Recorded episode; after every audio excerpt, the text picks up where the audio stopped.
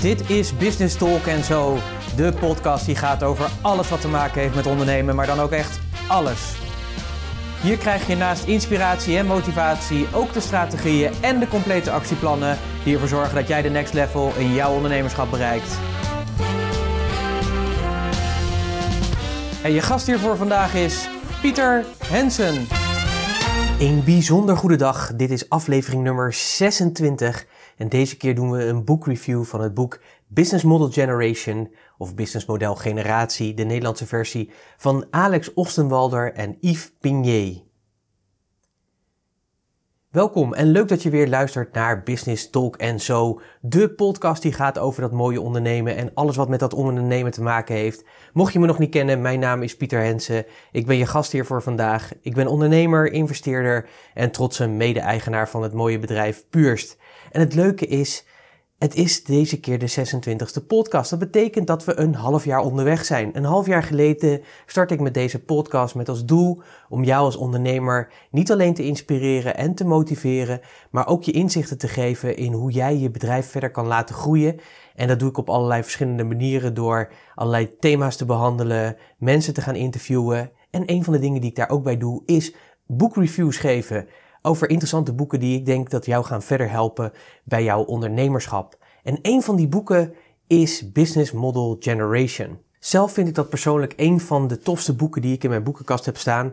Niet alleen om het feit dat het al op een hele bijzondere manier is vormgegeven, Misschien ken je het boek, misschien heb je het in je boekenkast staan, misschien ook niet. Het leuke is, is dat het liggend is vormgegeven, dus het is anders vormgegeven. Het heeft een hele dikke kaft. Ik heb een van de eerste versies. Ik moet je ook heel eerlijk zeggen dat ik hem vaak gebruik, dus hij zit bij mij al met duct tape aan elkaar uh, geniet en gebonden, zodat hij uh, goed uh, blijft zitten. Het mooie van het boek is, is dat het is ontworpen op een hele mooie manier omdat het in co-creatie is gedaan.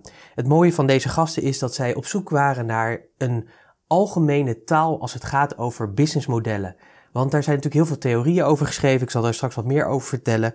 En zij zochten naar een eenduidige taal.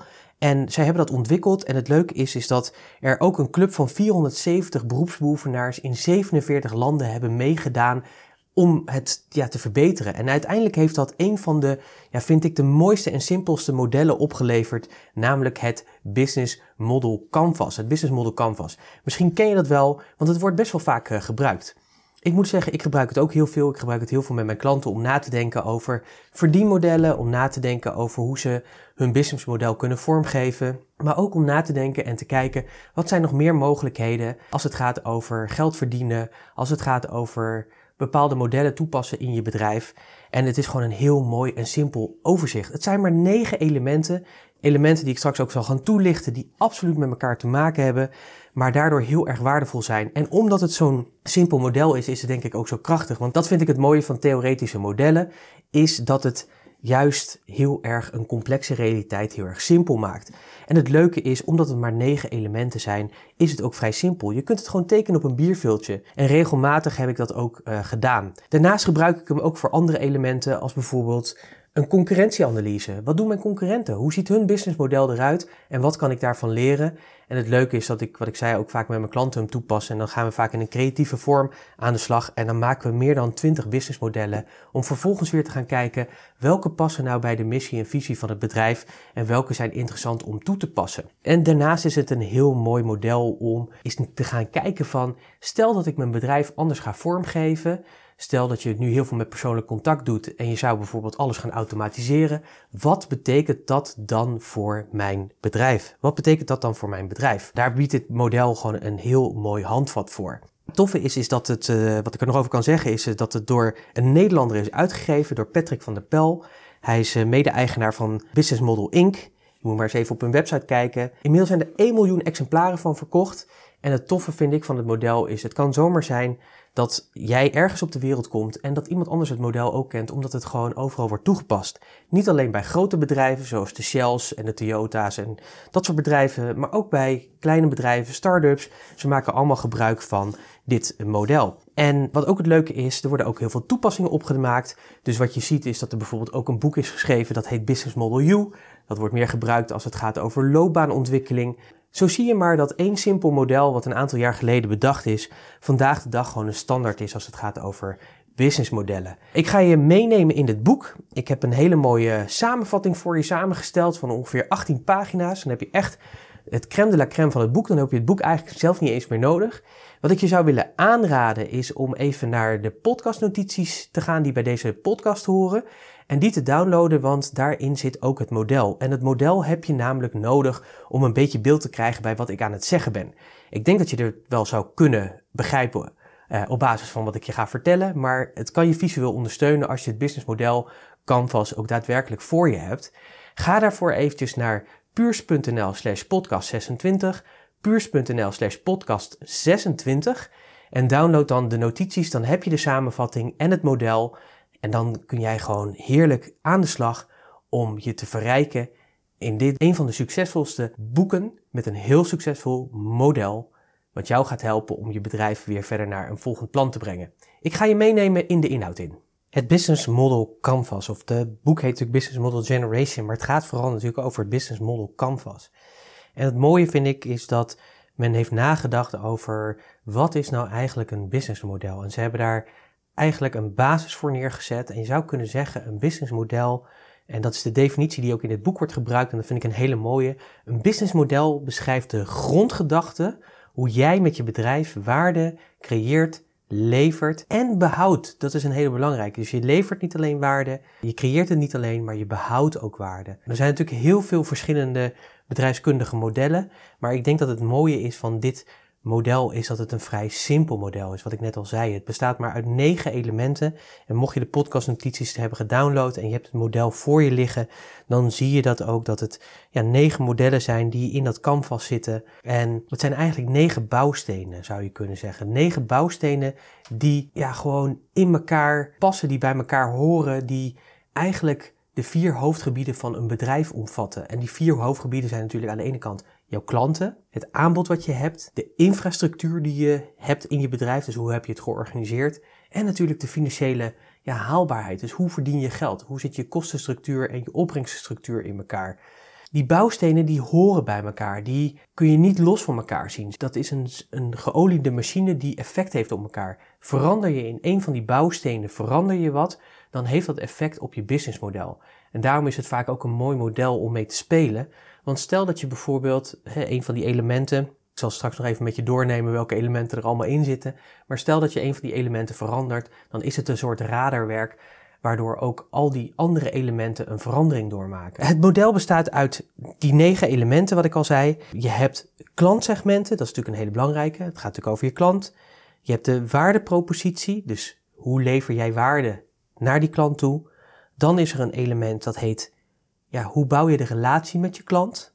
En een element, hoe zorg je er nou voor dat die waarde ook daadwerkelijk bij je klant komt? Dus welke kanalen gebruik je om te zorgen dat dat bij je klant komt? En al die elementen bij elkaar, die leveren iets op. Weet je, als jij waarde levert aan je klanten, dan kun je daar natuurlijk een factuur op een gegeven moment voor sturen. En dat kun je natuurlijk op verschillende manieren doen. Er zijn natuurlijk verschillende manieren, verschillende verdienmodellen om geld te verdienen. Dat noemen we inkomstenstromen. Deze vijf elementen die ik net heb opgenoemd, dus klantsegmenten, waardepropositie, de relatie die je met je klanten hebt, de kanalen hoe jij je waarde bij je klant brengt en de opbrengststromen. Als je daarnaar kijkt, zeg maar deze, die zijn heel erg gericht op naar buiten toe. Naar buiten toe, dus naar je klant toe. Hoe breng je die waarde naar je klant? Dat doe je op een bepaalde manier. Ik zal straks de blokken nog wat inhoudelijk bespreken. Als je dan kijkt, dat zijn de vijf, maar in het midden blijft die waardepropositie bestaan. Want als je dan naar de linkerkant van het model gaat, dan zie je daar nog vier andere blokken staan. En dat is kernmiddelen. Dat zijn de middelen die jij nodig hebt om je waarde te creëren. Dus die dingen die jij echt nodig hebt om te zorgen dat jij je product of dienst bij je klant uiteindelijk kan brengen.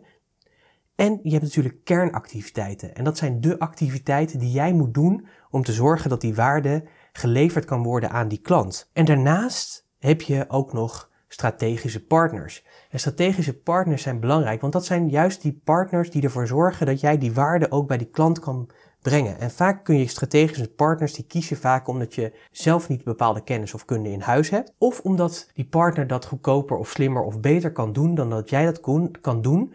Terwijl het wel heel belangrijk is om ja, de waarde, de producten en diensten die jij hebt naar je klant te brengen. En het begrijpt natuurlijk al dat ja, je kernactiviteiten, je kernmiddelen, Dus hoe jij die waarde voor je klant creëert, dat kan letterlijk zijn in een productieproces, maar dat kan ook in een bepaalde dienstverlening zijn, heeft natuurlijk een kostenstructuur. Het is goed natuurlijk om inzicht te hebben in die kostenstructuur. Wat kosten nou die kernmiddelen? Wat kosten nou mijn kernactiviteiten?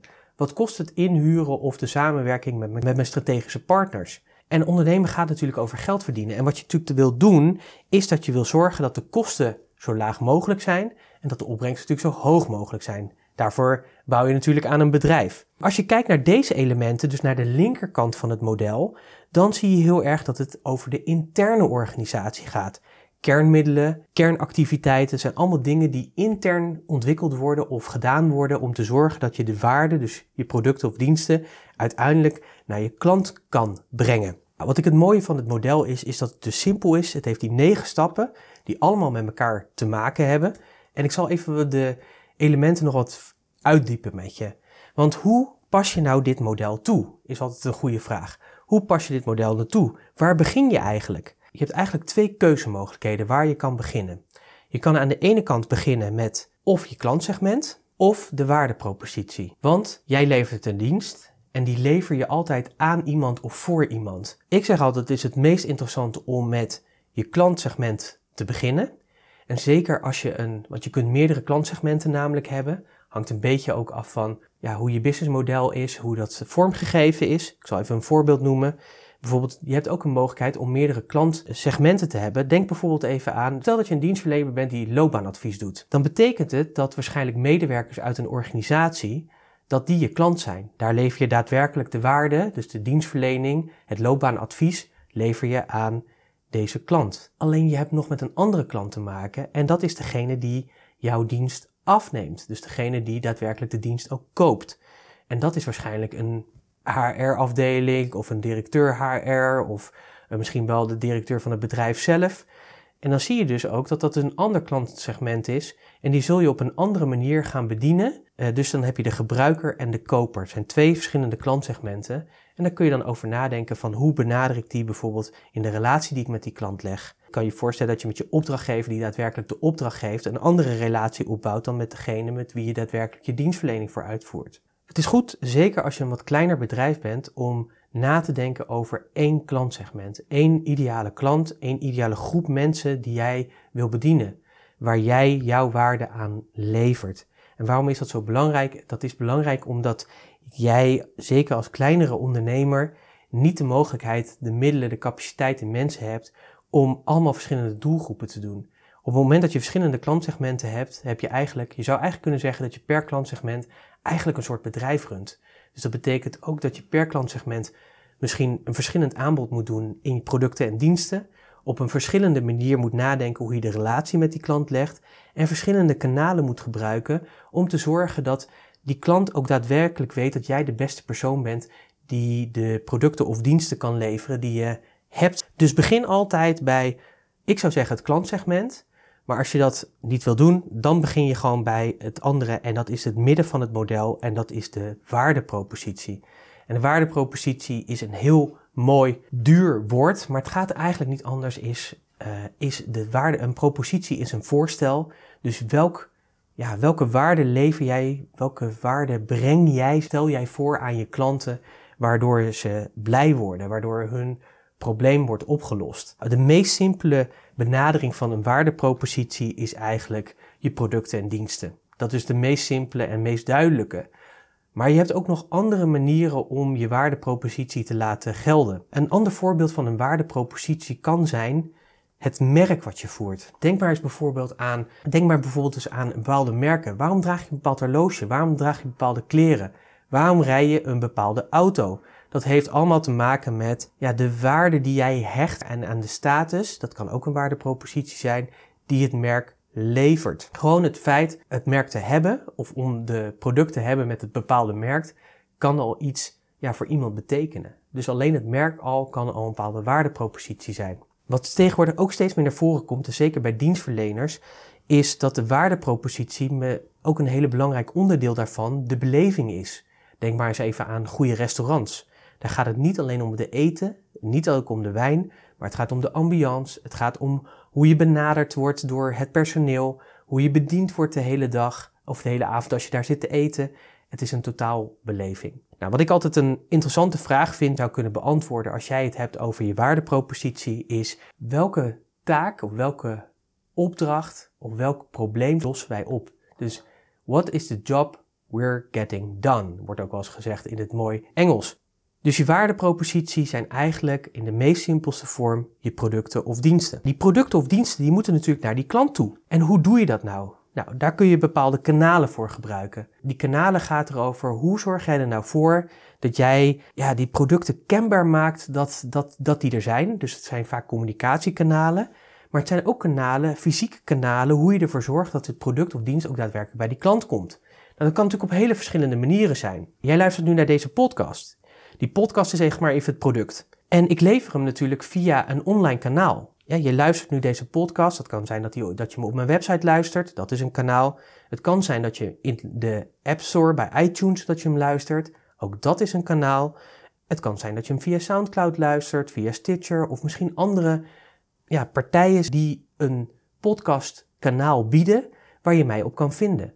Dus de technologie of de, het kanaal iTunes of in dit geval mijn website, dat zijn de kanalen waardoor ik mijn waarde, dus deze podcast, deze waardevolle podcast, bij jou kan leveren. Dus je kunt altijd nadenken over hoe lever ik nou die waarde? Via welke kanalen doe ik dat nou? Je kunt dat online doen, maar het kan ook zijn dat je gewoon een fysieke winkel hebt. Stel dat je sneakers verkoopt, dat kun je natuurlijk online doen, maar dat kun je ook in een winkel doen. En dan is die winkel het fysieke kanaal dat ervoor zorgt dat die sneaker, het product, bij die klant terechtkomt. Daar moet je natuurlijk iets voor doen. Dus ook in de communicatie zal je iets moeten waarmaken, waardoor die klant ook daadwerkelijk bereid is om in jouw winkel te komen, in het voorbeeld van die sneakershop. Klantrelaties, dat gaat erover hoe jij een relatie legt met je klant. En dat kun je natuurlijk op hele verschillende manieren doen. Relaties met je klant kun je bijvoorbeeld geautomatiseerd helemaal persoonlijk maken en je kunt een combinatie van doen. Dus klantrelaties kun je over nadenken, hoe wil ik de relatie met mijn klant vormgeven? Wil ik dat liever één op één in een persoonlijke relatie doen?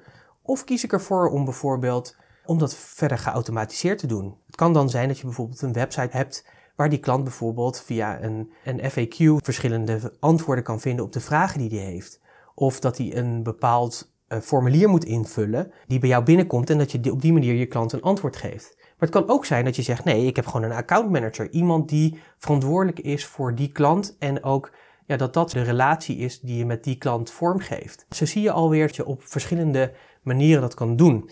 Wat ik tegenwoordig ook veel zie gebeuren is dat bijvoorbeeld dat communities worden ingezet. Even als voorbeeld, wij maken gebruik van software om een community vorm te geven.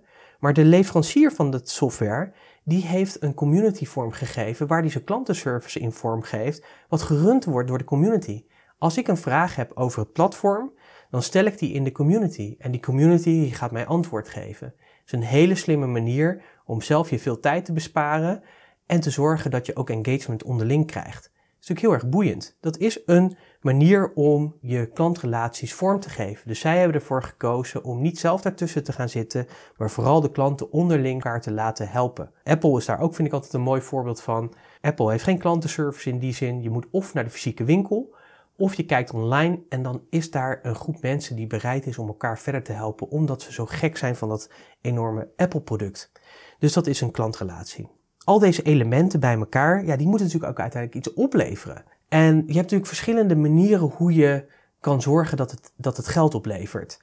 En dan heb je het over verdienmodellen. En daar hebben we het over als het gaat over inkomstenstromen. Hoe verdien jij nou eigenlijk geld? Dus als jij de waarde bij je klant brengt via die kanalen, hoe zorg je er nou voor dat je daarvoor ook voor betaald wordt? Het kunnen natuurlijk in hele verschillende vormen zijn. Je kunt natuurlijk bijvoorbeeld denken aan ja, de feitelijke verkoop, dus een stuksprijs. Je koopt één paar schoenen, die kost je een x bedrag. Maar je kunt ook denken bijvoorbeeld aan abonnementsvormen. Denk aan de Spotify's, de Netflixen, dat soort dingen. Dat zijn abonnementsvormen. Maar ook je sportschool is natuurlijk ook een abonnementsvorm. Wat ook zou kunnen is dat je zegt, nou ik doe een licentie. Stel je voor, je hebt een bepaalde software die jij gebruikt. Denk aan bijvoorbeeld um, Windows is daar een goed voorbeeld van, Office. Als ik een Office pakket op mijn computer wil hebben, vroeger kocht ik een cd'tje. Vandaag de dag is dat niet meer zo. Ik koop voor 100 euro, maak ik gebruik van hun pakketten, heb ik altijd de laatste. En dat is een vorm van licentie. Zij geven mij de licentie om het een jaar te gebruiken. Dus dat zijn verschillende vormen. Kunt u kijken naar actieve inkomstenbronnen. Actieve inkomstenbronnen zijn die bronnen waar je echt actief ook je werk voor moet verzetten. En je kunt natuurlijk kijken naar passieve inkomstenbronnen. En dat zijn bronnen die ervoor zorgen dat jij daar minder werk voor moet doen. Voorbeelden daarvan zijn bijvoorbeeld een boek of een online programma. Je kunt dat online inrichten, je zet er een marketingkanaal achter, Facebook advertenties, dat soort dingen. Dat kun je vaak verder automatiseren. Je maakt één keer de online training en je zorgt ervoor dat er een kanaal is waar langs mensen terechtkomen bij die online training en bereid zijn om die te kopen. Dus het moet wel natuurlijk interessant zijn, dus je moet nadenken over het kanaal, over de klantrelatie. Maar wat het kan doen is dat je ja, door één keer iets te ontwikkelen het meerdere malen kan verkopen. En dat is natuurlijk heel erg, uh, heel erg fijn. Wat ik al aangaf, hè, als je nou ook naar kijkt naar het canvas, en dat vind ik ook wel weer het mooie van het, van het canvas, is dat er ook een, er zit een bepaalde biologie achter het canvas. Voor als je kijkt weer naar de natuurkundige wetten, dat deze vijf elementen van het klantsegment, de waardepropositie, klantrelatie, de kanalen en de opbrengstenstromen, dat die bij elkaar zijn die gericht op naar buiten toe. Hoe zorg je ervoor dat die waarde bij die klant komt? En als je maar je hersenen zeg maar, letterlijk op het model plaatst en je zou hem in het midden plaatsen, dus de hersenen in de waardepropositie zetten, dan zul je zien dat de rechter hersenhelft, de wat creatievere hersenhelft, die is gericht op die buitenwereld. Dus je zult ook zien dat je voor de creatie en het brengen van en de kanalen, daar moet je op een creatieve manier mee omgaan. En het leuke is, is dat de linkerhelft is meer de rationele kant en gaat veel meer over de interne organisatie. Nou, daar gaan we het nu ook over hebben, de, de verdere verdieping van kernmiddelen. Wat zijn nou kernmiddelen? Ja, nu kom je eigenlijk op het punt dat je het hebt over die dingen die jij nodig hebt om daadwerkelijk ook je producten of diensten te kunnen maken, te kunnen leveren. als je een product hebt, dan zul je dat moeten produceren. Lever je een dienst, dan zul je, dat, ja, dan zul je die dienst moeten leveren. Maar daar moet je iets voor doen. Dus daar heb je bepaalde kernmiddelen voor nodig. En die kernmiddelen die zijn dus essentieel om te zorgen om ja, die waarde te creëren. Maar ook te zorgen dat ja, ze die klant bereiken, maar ook dat je die relatie kan onthouden. Nou, je hebt verschillende soorten kernmiddelen. Je hebt echt fysieke kernmiddelen. Dan kun je denken aan een computer, aan een kantoor, aan een auto. Je hebt natuurlijk intellectuele kernmiddelen. Dan kun je denken misschien aan een bepaald model of een bepaalde theorieën die je toepast. Je hebt menselijke kernmiddelen, gewoon het feit, het product mens. Ik zeg ook altijd tegen mijn klant, zet jezelf hier maar bij de kernmiddelen. Zeker als het afhankelijk is van jou. Dat zie je natuurlijk vaak bij ZP'ers. Zelfstandige professionals die hun kennis verkopen. Dat doen ze vaak zelf. En je hebt natuurlijk ook financiële kernmiddelen die nodig zijn om bijvoorbeeld de waarde van jouw product helpen creëren. Daarnaast heb je dus kernactiviteiten. En de woorden kern is ook echt bedoeld als kern. Wat zijn nou de essentiële, wat is de core van deze middelen en activiteiten? En als je kijkt naar kernactiviteiten, dat zijn die activiteiten die jij echt moet doen om te zorgen dat het product of dienst daadwerkelijk gerealiseerd wordt en naar die klant gebracht kan worden. Denk even bijvoorbeeld aan, als ik naar mezelf kijk, hè, wij begeleiden ondernemers bij de verdere groei van een bedrijf. We zitten vaak aan tafel. Dat betekent dat een kernactiviteit van ons is echt die begeleiding, is echt die meekijken, meedenken, met ze in gesprek zijn, ze zeg maar modellen, middelen, opdrachten, relaties, noem maar op, allerlei dingen leveren waardoor ze hun bedrijf kunnen laten groeien. Dus dat is een kernactiviteit van ons nodig om te zorgen dat die waarde daadwerkelijk ook bij die klant terechtkomt. Dus zo kun je erover nadenken. Wat zijn nou echt de activiteiten die ervoor zorgen dat jij je waarde bij je klant kan leveren? En dan heb je helemaal links, en dat is een hele interessante, heb je strategisch partners. En strategisch partners zijn die partners die jou dus ook helpen om te zorgen dat jouw producten en diensten ja, geleverd kunnen worden aan die klanten. En het leuke ervan is, is dat je ja, kan nagaan van hey, welke partners heb ik nou nodig om te zorgen dat ik die waarde bij die klanten van mij kan krijgen. Soms kan het zijn dat je kiest voor strategische partners omdat zij iets kunnen wat jij niet kan. Even een simpel voorbeeld. Uh, wat ik zei, zeg maar, we begeleiden die ondernemer. En soms kan het zijn dat die ondernemer met een financieringsaanvraag zit. Omdat hij bijvoorbeeld een bepaald productiemiddel moet kopen of omdat hij een nieuwe markt wil gaan veroveren. En dan heeft hij daar funding voor nodig. En dat betekent dat er een financieringsvoorstel geschreven moet worden. Ik kan dat, maar ik ben daar niet een ster in. Nou heb ik iemand in mijn netwerk die daar heel erg goed in is. Die dat eigenlijk alleen maar als zijn core business heeft, die dat alleen maar voor zijn werk heeft. Dus die heb ik als strategisch partner. Op het moment dat zo'n vraagstuk komt, dan, ja, dan laat ik hem invliegen en gaat hij aan de slag met de ondernemer waar ik bij betrokken ben, om te zorgen dat die financieringsaanvraag, dat die goed onderbouwd is, dat die goed vormgegeven is, zodat die succesvol kan zijn, zodat hij daarmee ja, zijn kernmiddelen, zijn kernactiviteiten verder kan vormgeven en kan zorgen dat hij het product of dienst wat hij wil gaan leveren ook daadwerkelijk kan gaan maken en naar zijn klant kan gaan brengen. Dus een hele belangrijke. Dus het is vaak iemand of iets uh, of een bedrijf die iets kan doen wat jij niet kan. En dat kan zijn omdat ze bepaalde kennis hebben, maar het kan ook zijn omdat ze bijvoorbeeld bepaalde middelen hebben waardoor ze het veel groter kunnen, kunnen aanpakken en daardoor veel goedkoper. Ik vind het wel een mooi voorbeeld. Ik vind het heel erg leuk om bijvoorbeeld naar het programma Shark Tank te kijken. Dat is een Amerikaans programma waar rijke ondernemers die hun sporen al verdiend hebben, investeren in andere partijen. En wat zij vaak ook zeggen is, voor een bepaald product is het interessant om bijvoorbeeld een licentiemodel toe te passen. Dus je zorgt ervoor dat iemand anders het product gaat produceren en dat, onder, hè, dat ze dat mogen doen op basis van een licentie. En daar krijg jij voor betaald. En dan kan de key partner een x-productiebedrijf zijn die op basis van die licentie dat product gaat vormgeven. Dat is bijvoorbeeld zo'n voorbeeld van zo'n key partner, omdat hij het goedkoper en slimmer kan doen. Dus denk er eens over na. En wat ik je mee wil geven is een hele belangrijke key partner, en die vergeten we vaak, is eigenlijk ook weer je klant.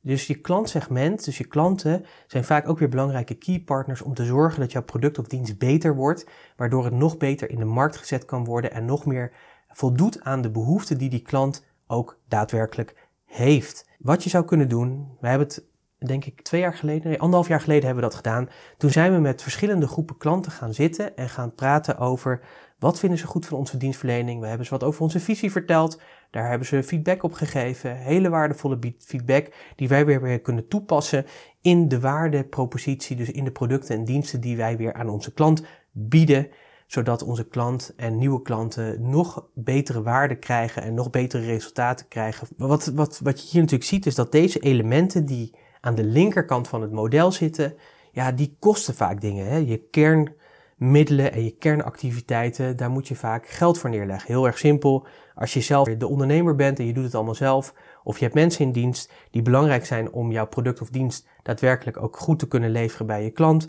dan zul je die moeten betalen. Zo simpel is het. Die kostenstructuur, ja, die hoort er nou eenmaal bij.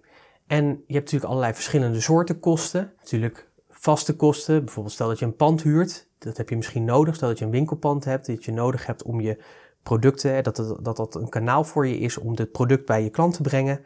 Dan heb je vaak een maandhuur of een jaarhuur en dat is een vaste, is een vaste kostenpost. Maar je hebt ook variabele kosten. Dat zijn kosten die kunnen fluctueren.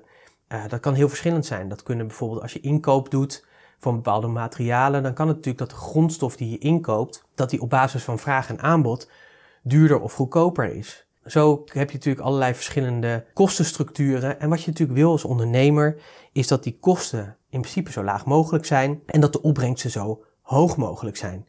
Dit is in hoofdlijnen het model. Dit zijn de negen blokken van het Business Model Canvas. En wat ik het mooie vind, en dat heb ik al eerder gezegd, is dat dit model zo simpel is. En dat je het dus kan invullen. En praktisch vul je het in door bijvoorbeeld post-it stickers. Kun je gewoon zeggen van oké, mijn waardepropositie is product X of Y of Z. Mijn klantsegment is X. En zo kun je gewoon daarmee ook gaan spelen. En wat ik zei, het is zeker interessant om bijvoorbeeld dus in die elementen is wat te gaan, gaan bijsturen. Wat je zou kunnen doen bijvoorbeeld is dat je zegt, nou we hebben nu klantsegment X, dat zijn jongeren. Stel dat wij nou klantsegment Y zouden hebben, alleen maar ouderen. Wat betekent dat dan voor de waardepropositie die we hebben, dus voor de producten en diensten? Wat moet daarin gebeuren? Wat betekent dat voor de relatie die we leggen met onze klant? Wat betekent dat voor de kanalen? Wat betekent dat voor de opbrengstenkant? Welke verdienmodellen passen daar beter bij? Welke kernmiddelen moeten we dan inzetten? Welke kernactiviteiten zijn dan belangrijk om die waarde bij die klant te leveren? En welke strategische partners hebben we nou nodig om ook daadwerkelijk te zorgen dat we daar komen? Welke kosten brengt dat met zich mee? En op die manier kun je daar. Het is ook een heel mooi model als je bijvoorbeeld aan mensen moet gaan uitleggen: wat doe je nu eigenlijk precies?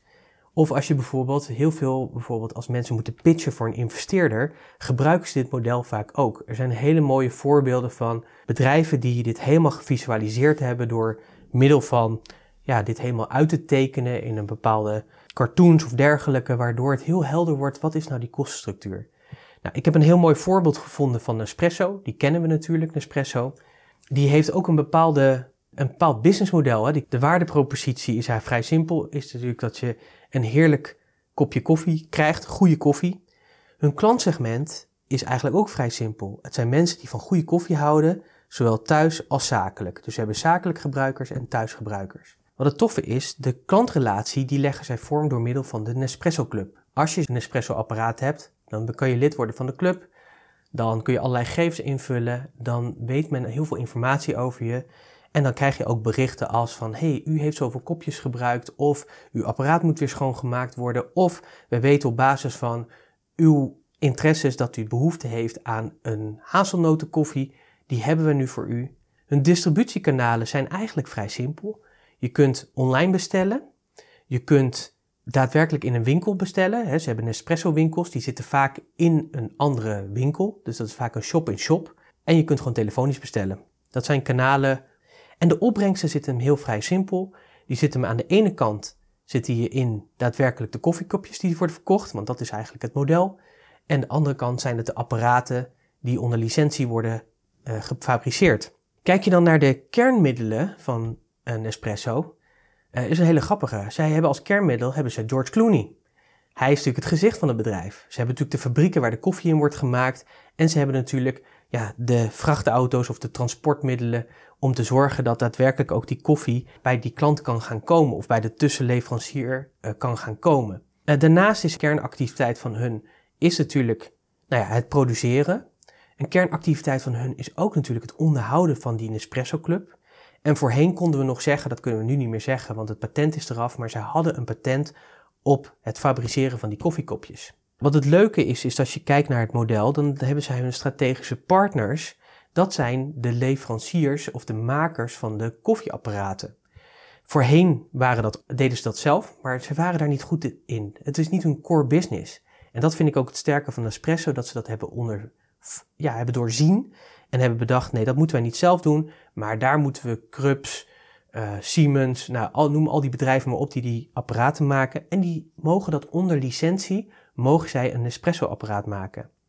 Nou, en wat zijn nou de kosten van Nespresso? Nou, allereerst natuurlijk George Clooney, want die moet natuurlijk flink betaald worden. Maar de kosten zijn natuurlijk ook de fabrikage en natuurlijk het transport. Ik zal het businessmodel van Nespresso zal ik opnemen in de podcastnotities naast de samenvatting van het boek. Ik heb eigenlijk, want het boek is eigenlijk het model en natuurlijk nog veel meer, maar dat vind je terug in de, uh, in de podcastnotities. Ga daarvoor eventjes naar puurs.nl slash podcast 26, puurs.nl slash podcast 26. Daar kun je het downloaden. Dan heb je het Canvas model, dan heb je een ingevuld model van Nespresso en je hebt een samenvatting van 18 pagina's van het hele super waardevolle boek Business Model Generation. Dat is de Engelse versie of in de Nederlandse versie Business Model Generatie. Ik zal ook nog even een link opnemen naar bol.com of managementboek. Mocht je het boek willen hebben, dan kun je dat uh, daar kopen. En ik zal ook nog een link opnemen naar strategizer.com. En dat is de, het bedrijf van Alex Ostenwalder, die natuurlijk dit model heeft ontwikkeld. En het leuke is dat je daar allerlei freeware hebt. Dus je kunt het model daar ook in PDF downloaden. Je hebt hem hier natuurlijk al klein, maar daar heb je hem dan ook. En dan kun je hem bijvoorbeeld, ik heb hem hier in een koker zitten op A0 formaat. En die hang ik dan hier aan de muur. En dan gaan we met, ja, met mijn klanten ga ik daarmee aan het spelen. Om te kijken hoe we hun businessmodel kunnen verbeteren. Dit was hem. Dit was de boekbespreking van het Business Model Canvas. Ik hoop dat het een heel waardevolle podcast voor je was. Uh, Dank je wel natuurlijk weer voor het luisteren. Wil je reageren op deze podcast, dan kan het natuurlijk. Stuur even een mailtje naar pieter.puurs.nl of reageer in de commentaarvelden bij de podcast waar je nu luistert. Hartstikke leuk. Ik vind het altijd leuk om met je in gesprek te gaan. Ik denk dat het een, een van de meest waardevolle modellen is en de meest simpele modellen en de meest toepasbare modellen die jij kan gebruiken in jouw bedrijf om heel simpel te kunnen bepalen hoe kan ik op een andere manier nog meer waarde toevoegen en daarmee nog meer geld verdienen als ondernemer. Maar bijvoorbeeld ook hoe kan ik mijn concurrentie in, kaart brengen. Nogmaals, dankjewel dat je hebt uh, geluisterd. Vergeet natuurlijk niet de podcastnotities te downloaden op puurs.nl slash podcast 26. We zijn dus een half jaar onderweg en ik vind het leuk om te noemen dat bijna 2300 mensen de afgelopen half jaar de podcast hebben geluisterd, één of meerdere malen. En daar ben ik heel erg blij voor. Daar gaan we natuurlijk veel meer mee doen. En vanaf 1 februari, dat is bijna, dat is vanaf volgende week, gaan we hem dagelijks vormgeven. Dat gaan we op een hele leuke manier doen door dagelijks jouw inspiratie te geven. Dat kunnen we doen, zeg maar, door bijvoorbeeld zo'n podcast als vandaag. Maar het kan ook zijn dat het gewoon een podcast is van een paar minuutjes waarin je gewoon het inzichten krijgt, een vraag mee krijgt waar je de rest van de dag weer mee aan de slag kan of op kan kouwen. Met alleen maar als doel om te zorgen dat jouw bedrijf naar een hoger plan gaat. Dankjewel dat je weer geluisterd hebt. Ik wens je een hele mooie week toe, een hele mooie nieuwe week toe. En dan spreek ik je graag weer volgende week. Wil je meer informatie? Kijk dan even op puurs.nl slash podcast. Daar vind je de laatste podcast. En ik wil je heel erg bedanken. En ik spreek je graag weer volgende week. Dus tot volgende week. Hoi!